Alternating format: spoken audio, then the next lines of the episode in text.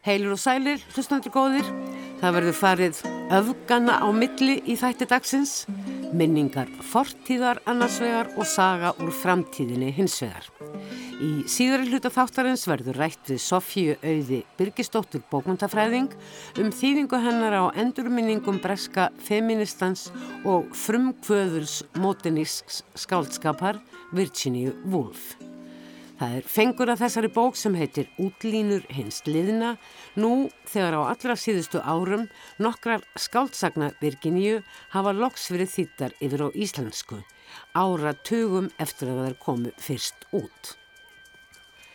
Hér rétt á eftir verður svo framtíðar skáldsaga á dagskrá en nýlega sendi barnamenningarkonan Eva Rún Þorgersdóttir frá sér bókina Skrimslin vakna sem gerist árið 2222 í Reykjavík. Náttúrulegt umhverfi er orðið svo takmarkað að skeppnur þjóðsagnana eru komnar aftur á stjá eftir að hafa lúst í bókum í meirinn hundrað ár. Ég hitti Efurún í bókabeitunni í síðumúla í vikunni.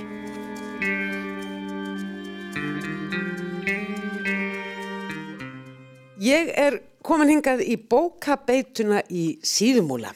En bókabeitan er útgáfu fyrirtæki sem að stopna ára 2011 í þeim yfirlista tilgangi að gefa út skemmtilegar og spennandi bækur fyrir börn og ólinga.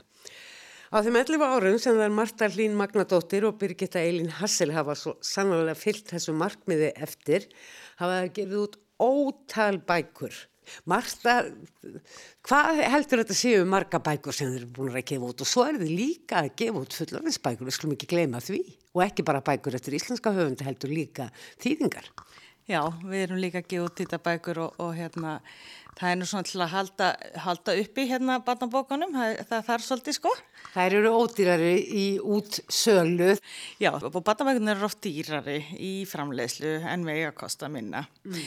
En við erum uh, rosalítið fyrir að telja hérna en við erum örgulega komnar á þriðja hundra titla sem Já. við höfum gefið út í gegnum mm. ári. Og megnið og uppistann er náttúrulega barn og umlingabækara því það er bara það sem við elskum mest.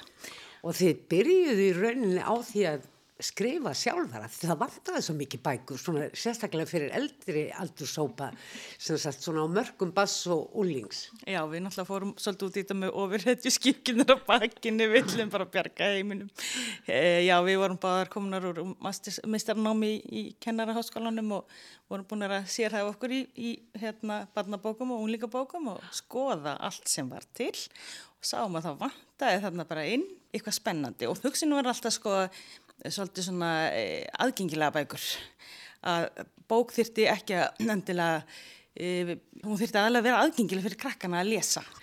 Letrið rétt og eitthvað að myndum og bara spenna og skemmtun og endur speikla einhver leiti líf og hugarheim kannski ekki síst, krakkana sjálfra Já, akkurat, e, spennudrifnar en samt aðgengilar mm. ekki og þykkar, mm. stóri stafir þannig að það er krakkin ofna bókina eða unglingurinn ofna bókina, þau saman ekki ég er aldrei eftir ekki að klára þetta og nú spennandi líka til að þú flettir á næstu síðu og næstu síðu og næstu síðu Og þannig var Rökkurhæða-serían til sem fór nú ekkert giska hátt en var gríðarlega vinsæl á bókasöfnum til dæmis veit ég.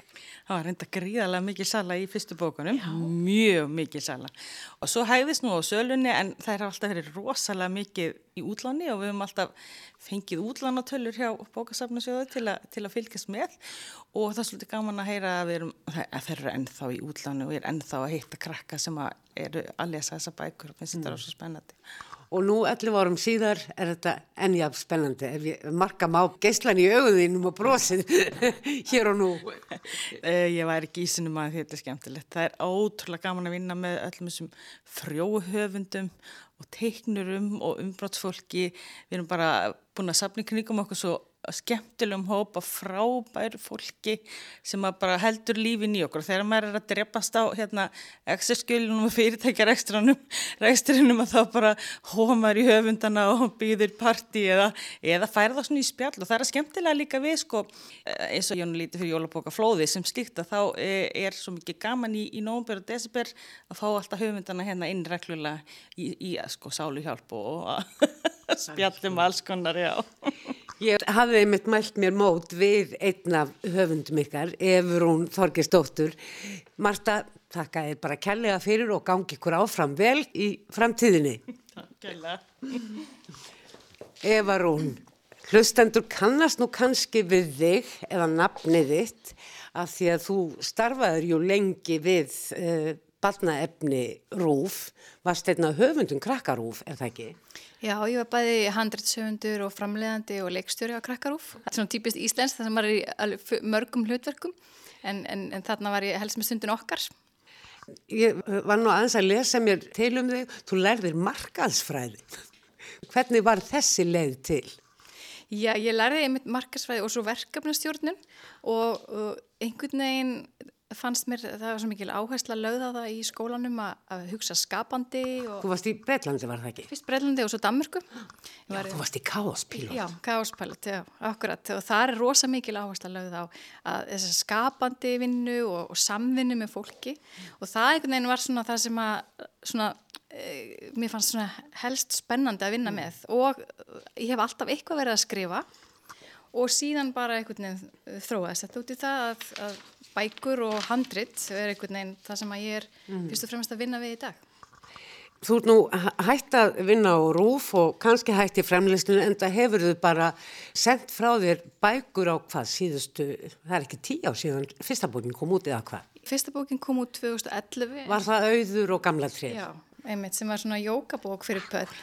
Ég er líka mentuð jókakennari og, og fór að óvart að kenna krökkum og sérhæði mig í því og hérna ég bara laðast að barna menningu yfir mm. höfuð. Fyrsta bókin tengdist einmitt jóka og, og var svona ævintri kringum það. Og síðan komu lukkubækurnar, einar þrjár sem eru fyrir yngri börnin með miklu myndum, lukka og hugmyndavélinn og lukka í svakalegum sjáarháska og ég veit ekki hvað og hvað. Og síðan komuð svona jólabækur, sögurnar um hann stúf, langaði þið til að snúa upp á Jólasveina sögurnar allar þessar hefðbundnu, Jóhannes og Köllum.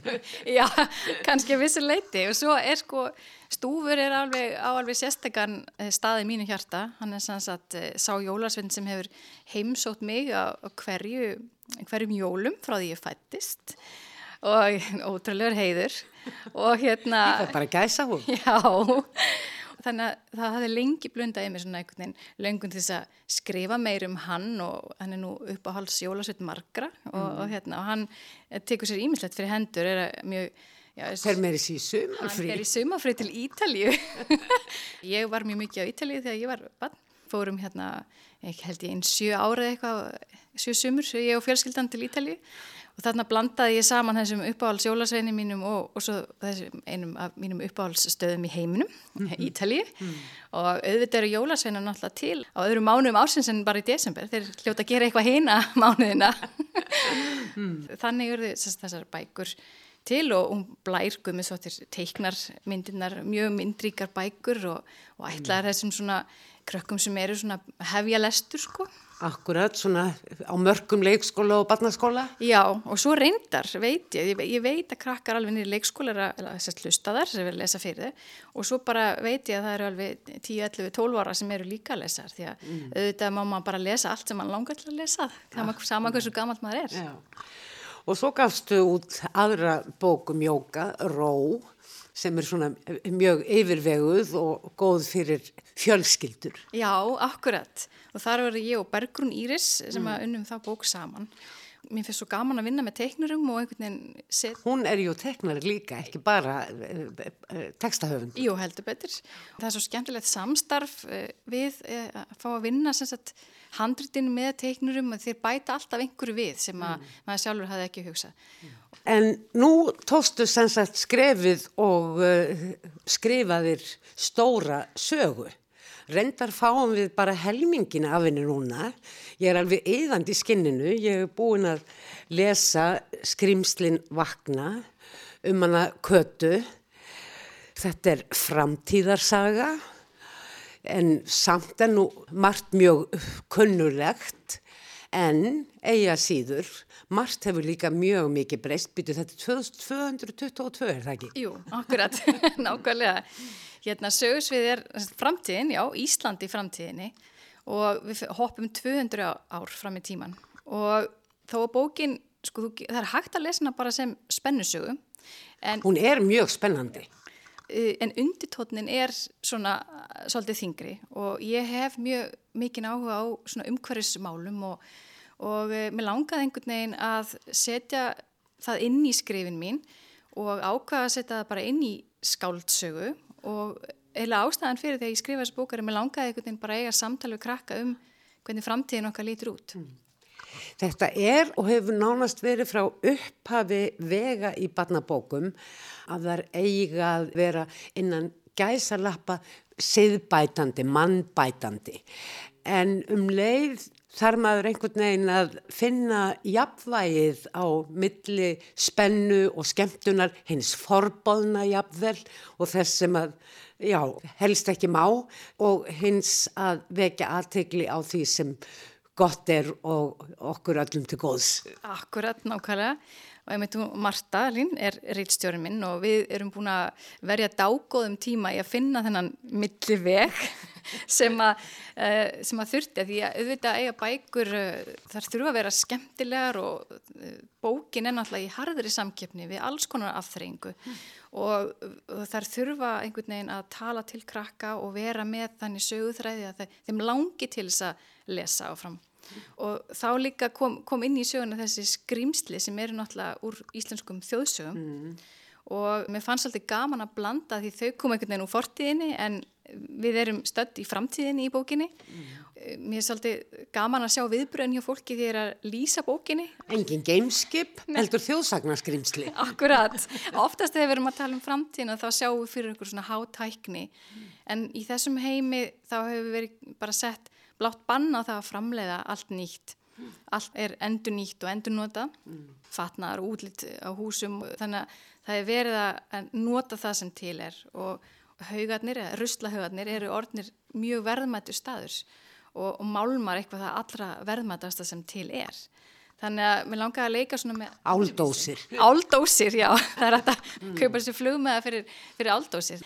Þannig að einhvern veginn svona fannst mér gaman að leika með öðruvísi eða óhefbundnari framtíða sín en svona venjulega er mm. talað um.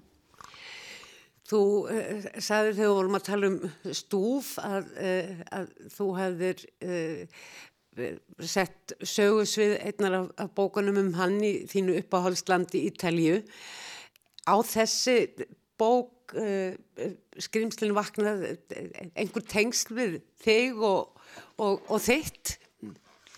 Þetta er kannski fyrst og fremst svona um, bara þessi eh, svona ástriða sem ég hef fyrir um, umhverfinu og hvert við erum að mm. fara mm. og, og mér finnst skipta svo miklu máli að við hugsaum öll um og ekki endilega með því að predika, þú veist það eru, það eru verið að segja okkur hvernig ástæðið. Við höfum að flokka og við höfum ekki að vera á bensinbílum og, og ekki kaupa okkur einnóta tísku og svo framvegis. Akkurat en kannski með þessari bóku með að setja þessar, þessa hugmynd inn í, í skáldsögu sem er líka bara svona spennusaga það langaði með einhvern veginn bara til þess að kveikja á ímyndunaraflinu hjá mm. krökkum um það hvernig, og hugsa bara hvernig verður framtíðin og hvernig á framtíðin að vera hvernig viljum við hafa framtíðina Hvað hva kom fyrst? Voru, voru það ruslahauðarnir? Var það kata? Var það jargó, vinnrennar?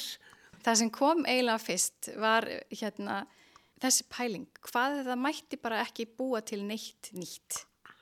Bara hvað ef við yrðum bara að nota allt sem er til nú þegar mm. við yrðum bara að stoppa? Hvað myndum við gera þá? Hvernig myndi samfélag okkar verða og hvernig manneskjur verðum við? Hvað gildi koma mm. fram hjá okkur? Þannig að það var svona uppafið Áhugavert því að spennubógin í sögunni það sem er yfir og allt umkring og við eigum í rauninni lesendur þessarar bókar eftir að fá botnin í, það er stóra spurningin hvað varðum pappa kötu? Akkurat, nákvæmlega. Og ég byrði að skrifa næstu bók, þetta er náttúrulega alltaf þegar maður höfunda lífið svo skrítið þegar maður er nýbúin að koma bók frá sér þá er maður bara svo verður maður að tala um hann og kynna hann og svo framvegis og horfa hann í bókabúðum en hausin er fullur af nýju bókinu. Já, hún var að sestu niður með annað handrut og komin á fullt mm. þannig að hérna, það tekur náttúrulega tíma að skrifa og koma, koma því frá sér þannig að eins og þetta byrja strax að því að mm. e, bókin endar svo spennandi og næsta bók mun taka bara við í beinu framhaldi mm. en ég get sagt að þar læðist meira inn hérna verur úr þjóðsögunum okkar sem er náttúrulega bara heil brunnur af svo ótrúlega skemmtilegu áhugaverðu efni. Það er mjög samfarrandi hvernig þú einleiðir þessi þjóðsagna dýr, þessar þjóðsagna skeppnur, eh, hvernig það er einmitt vegna þess að þið náttúrulega umhverfi manna og dýra í raunheimum er meir og minna horfið að þá vakni þær til lífsins og það er alvöru vísindamadur sem er að rannsaka þetta, þetta ferli. Akkurat. Ég hugsa sem þú bara, sko það er svo margt í þessu lífi sem við raun og veru skiljum ekki þó við eigum færa vísindamenn og vísindakonur. Það er svo margt sem í raun og veru við höfum ekki svar við mm. og eh, kannski er bara miklu meira til sem að við tökum ekki eftir eða kannski eru bara þessar verur til í álverðinni úr, úr þjóðsjónum. Mm en það er hljóta að vera einhvern veginn alveg samofnar náttúrunni og, og, og hvernig náttúrunni e, vegnar að því að þær, þær hafa orðið til hjá fólki sem að livði miklu nær náttúrunni en við gerum í dag. Þannig fann ég tenginguna þarna á milli. Þetta er mjög uh, spennandi bók eins og ég hef undirstrykað en svo er þetta líka bók sem að opnar heiminn á þetta ef, hvað ef við höldum svona áfram eins og við gerum núna. Sá heimur sem gæti blasað við afkomendum okkar, hann verður mjög ljóslifandi og hvernig fólk tekst á við hann og það gerir það í rauninni bara eins og við tökum á við okkar heim. Það er það skemmtilega. Þetta er ekki algjörlega nöturlegt en við verðum samt að passa okkur. Já, algjörlega.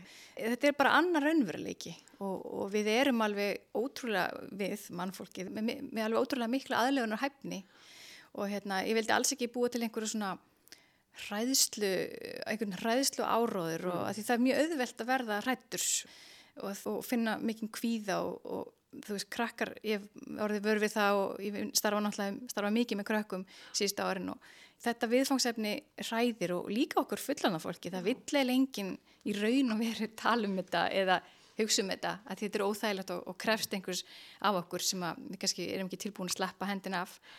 Þess vegna er þetta ekki rillingsmynd sem ég seti upp í þessari bókum framtíðan, heldur bara annar raunveruleiki en það er samt eins og þú segir að huga að því sem er að gerast og aftur standa fram með fyrir þessari, þessari ákvörðun, sko, hvert viljum við fara, hvað þurfum við að gera þess að fara þánga? Eða að fá pínulítið dæmi úr bókinni, en var að lifa hennar hljóma Við höfum náttúrulega ekki drætt um fjölskyldu aðstæður kötu Nei, en já. það eru sérstakar, eru skulum við segja. Já, ég voru að lesa hérna þegar hún finnur. Já, þegar hún finnur dýrið. Já, þú veist, hún alltaf lifir bara sínu lífi þarna og býr með eh, stjúp pappa sínu sem hún vill ekki, hún er að plana uh, flóta og það gerur hún með því að stela málmi sem hún er að samtri pening til að koma sér burtu og eina nóttina þá fer hún inn á haugana og finnur þetta skrítna fyrirbæri. Dýrið í tungsljósinu heiti kaplinn. Kata færði sig nær og tók málmkúluna varlega upp með báðum höndum. Hún var köld viðkomu. Kúlan hreyfðist aftur og að meðan Kata fyldist fyrðurlostin með, byrjaði hún að breytast í litla undarlega veru. Kata áttaði sig að því að það sem glampaði á var ekki málmur, heldur einhvers konar skél á litlu dýri. Kata horfiði dáleita fyrðuveruna í höndum sér. Hún hefði aldrei séð neitt þessu líkt.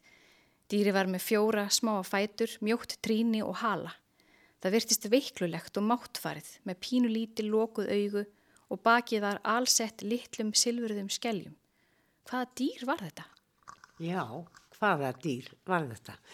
Eh, þetta er spennandi saga Eva Rún og afskaplega, lipurlega skrifuð En það eru ju ekki bara teksti í bókinni, þetta er uh, mjög vel uppsett bók með stórun stöfum og stundum er breytt letur Og svo eru þessar fínu tekningar eftir Loga Jess Kristjánsson sem þú hefur ju unni með áður. Já, við unnum saman og gerum lukkubækunar en það var einmitt hérna hugmyndina að hafa marga myndir og það er leiða lesturinn áfram og, og bæta við. Mér er svo gaman með tekningarnar í bókum að, að hérna, það er bæta aft einhverju við sem er kannski ekki alveg beint í tekstanu. Það skipt svo miklu máli í dag að bækur séu aðgengilegar mm. og að mitt þess að segja með letrið að það sé þægilegt að lesa og myndirnar þar eru sagt, svarkvítar eða gráum tónum, ekki í lit, svona í takt við stemminguna í bókinni. En það er kannski líka í takt við þróunina. Mér skilst að krakkar laðist meira að bókum og líki frekar í þeim ef það eru myndir. Já. Alveg klárlega. Krakkar í dag eru bara svo vön myndmiðlinum. Þau eru alltaf með símana og alltaf að horfa á eitthvað.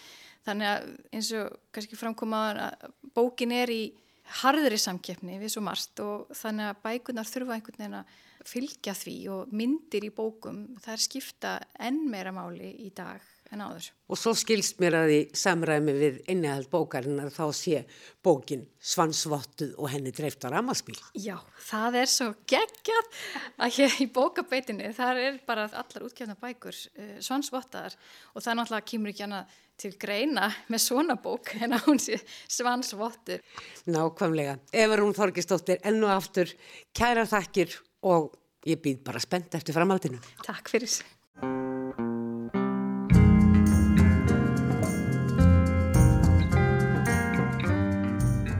Sofía Auður Birgistóttir bókmyndafræðingur starfar sem fræðimaður við rannsóknarsettur Háskóla Íslands á hefni í Hornafyrði og hún er einna virkust íslenskra bókmyndafræðinga.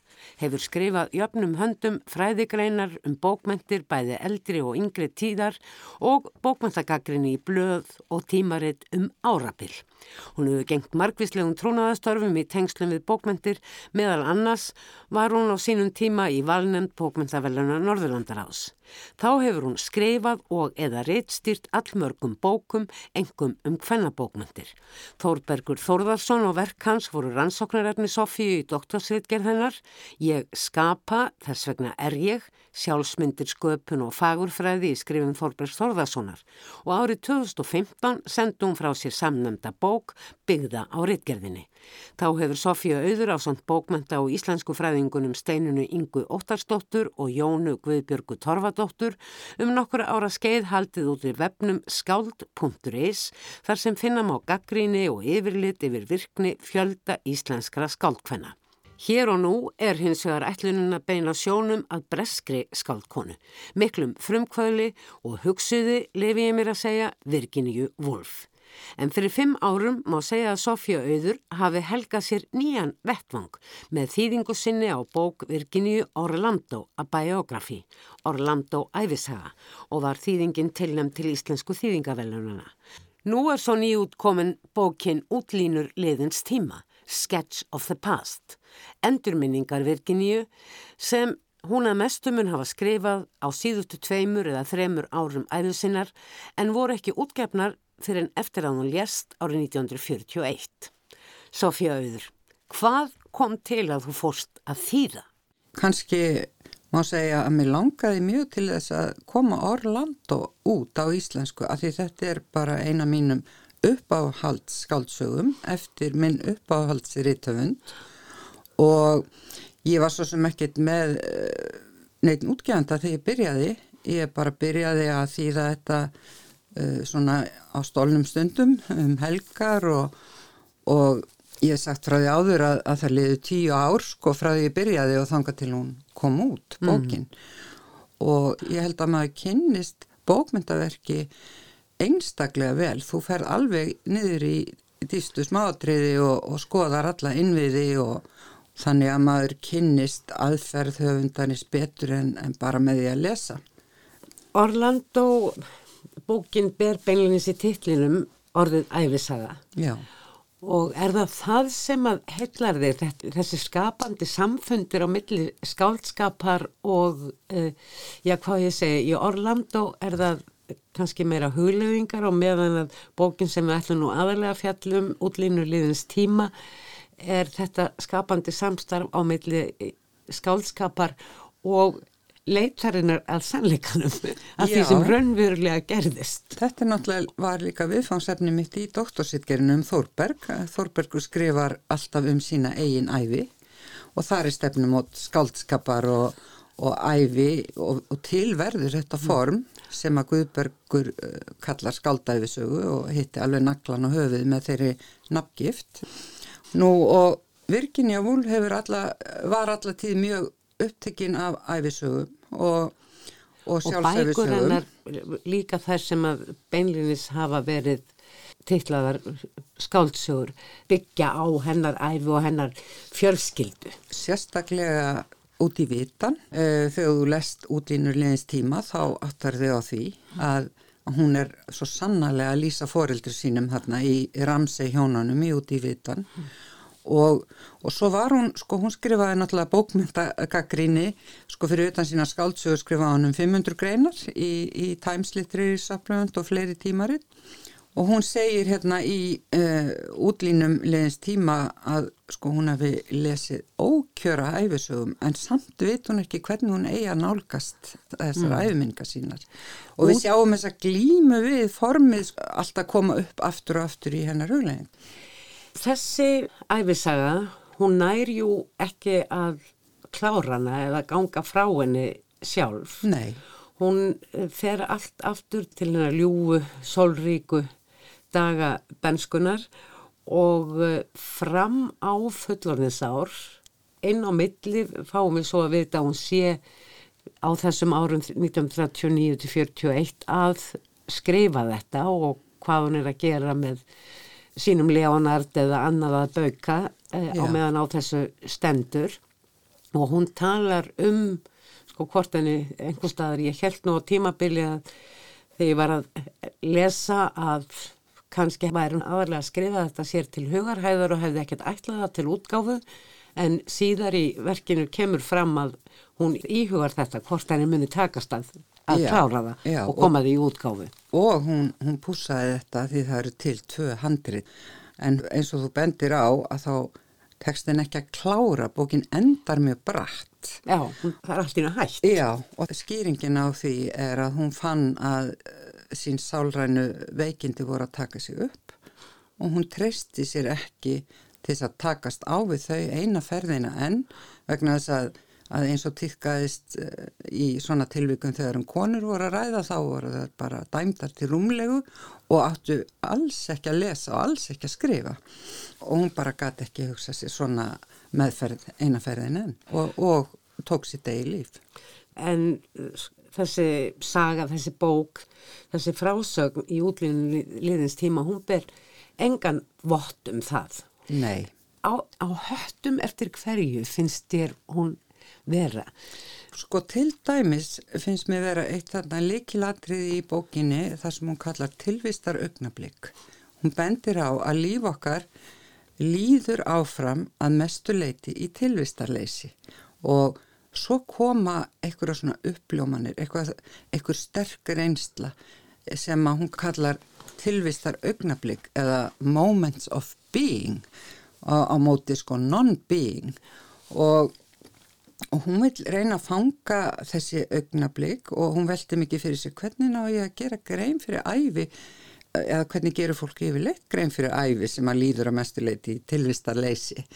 Hún dvelur við tilvistar augnablíkin eins og bara fyrstu minninguna þegar hún situr í fangimóðu sinnar í lest og hún lýsir sko þessari velíðan og hún man eftir blómamunstrinu á kjólnumennar og þessu lýsir hún alveg vandlega í, í löngu máli og, og mjög svona ljóðurænum fallegum texta.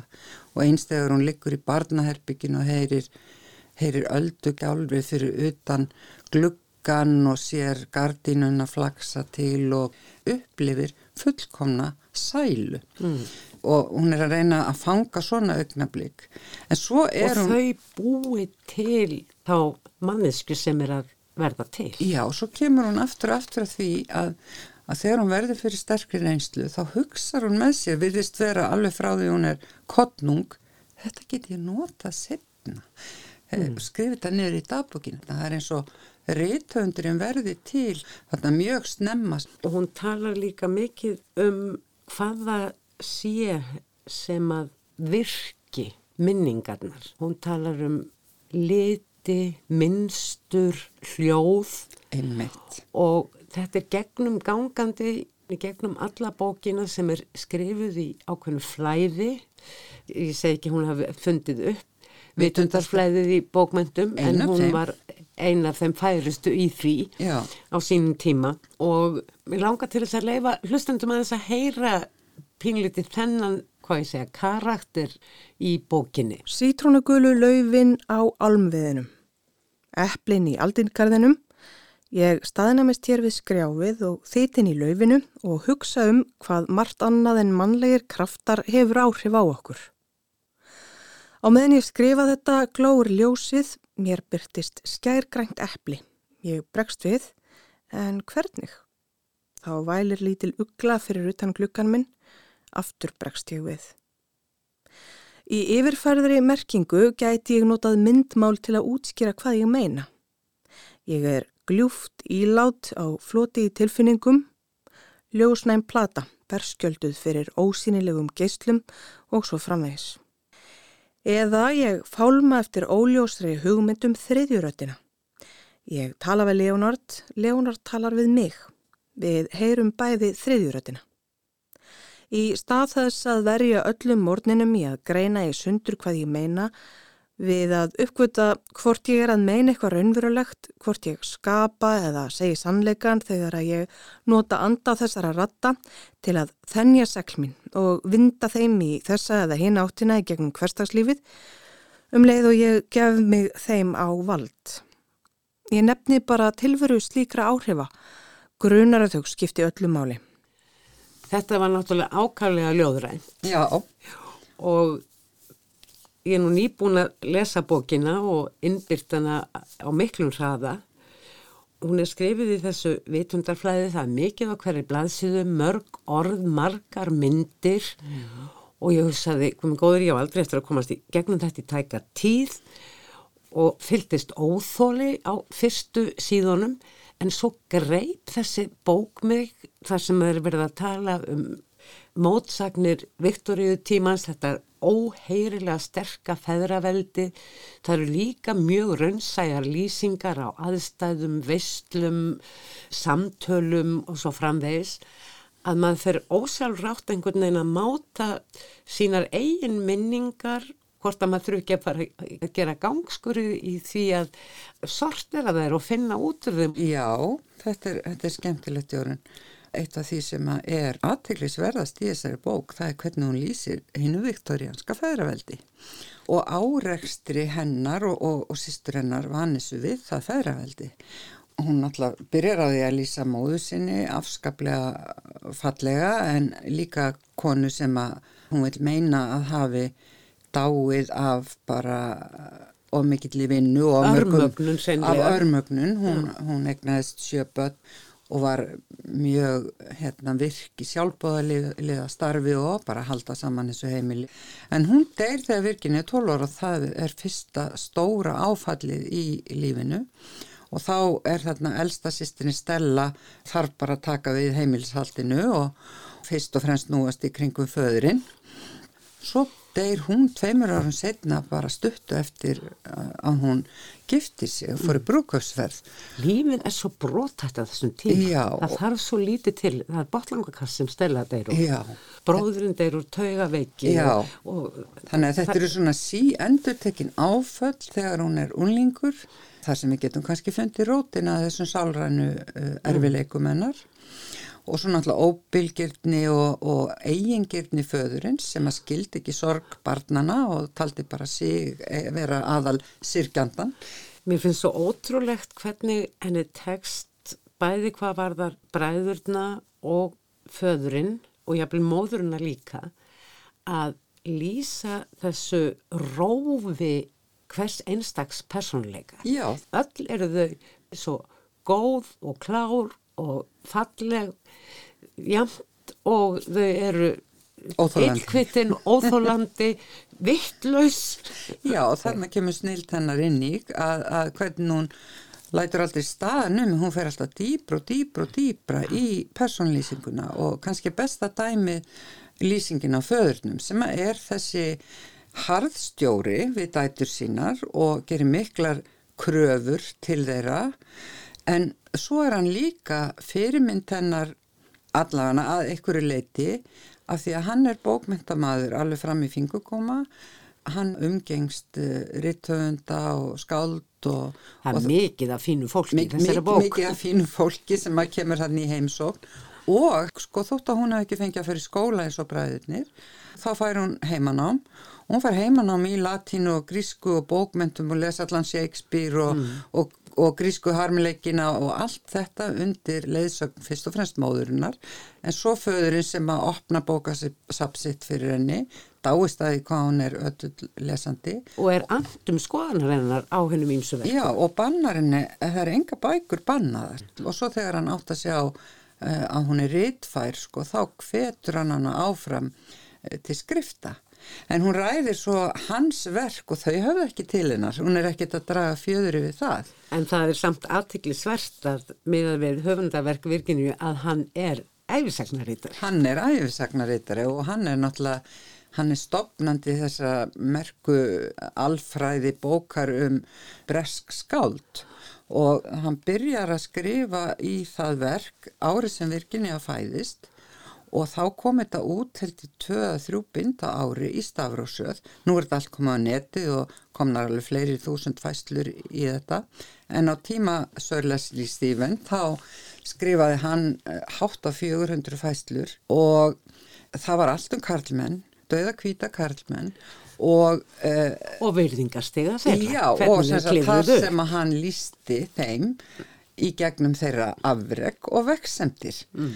og að þessu er hún náttúrulega að gera mikið grín og, og mér skaman að benda á að, að herra Ramsey út í vitan, hann er að kljást við stafróið, hann á í barat við stafróið En Sofía, þýðingin sjálf, nú er næstum hundrað ár síðan þetta var eh, skrifað.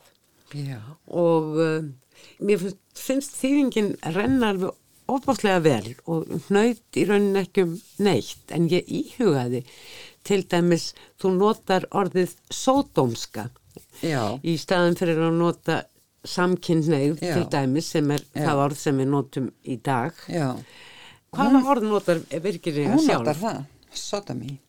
Og, og þetta er náttúrulega orðið sem var notað á þessum tíma og annað væri eiginlega hálfgerð fölsun að vera að nota nútíma hugtök á, á svona texta. Og, og þess byrja geta að hún hafði svo sannlega enga fordóma í garð samkynneðra að hún sem kemur úr þessum uh, stranga viktorianska tíma að þegar að fadurinn deyr þá umbylta þau sískinin lífi sínu og gerast bóhemmar flytja í, í listamanna hverju Blúmsbury, stopna Blúmsbury hópin þar sem að, að annarkvöma öðru samkynniður og, og virkinni að Og öll hjónabönd meira og minna opinn. Opin hjónabönd. Og lauslæti bara til fyrirmyndar. Já, já, það var frjálslindi sko og þetta er svo ótrúlega skrítið hvað hún lifir þarna tvenna tíma en það segir hún á einu stað það vantaði í raun og veru kynnslóða milli okkar og foreldra okkar.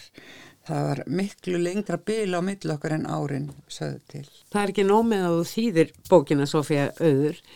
Þú skrifa líka uh, eftirmála þar sem þú rennir í gegnum líf Virginia Woolf og uh, helstu verk og aðstæður allar og útgáfusögu þessa handrits.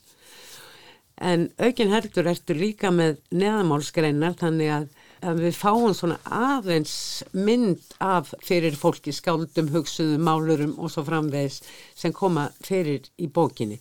Þér var þetta mikilvægt Já. sem fræðimahurinn að koma þessu líka á framfæri. Já, það er fullt af fínu fólki sem kemur fyrir og alls konar fólki reyndar og mér finnst það bara skemmtilegt að, að lesendur eh, getur fengið svona eitthvað að vita um þetta fólk. Maður getur náttúrulega að lesi bókina hratt án þess að líta þær en ég heldum að fá kannski meira út úr því. Það eru stuttar og mörg nöfnin eru kunnuleg Og svo í eftirmálanum sko að þá renni ég eins og segir í gegnum æfinar en líka ræða þess að aðferð, mér finnst náttúrulega enginn hafa líst henni betur en hún sjálf þegar hún segir hvernig er mögulegt að gera æfi og personleika mannesku skil í æfisögu og svarinnar er einfalt, það er ekki hægt, ekki fremur en að binda saman granít og regnboga. Sannleikan og uh, skáldskapin Já, sem við hóum þetta spjalljú Já. á að reyfa svo litið. staðirendirnar og tilfinningarófið og upplifinirnar.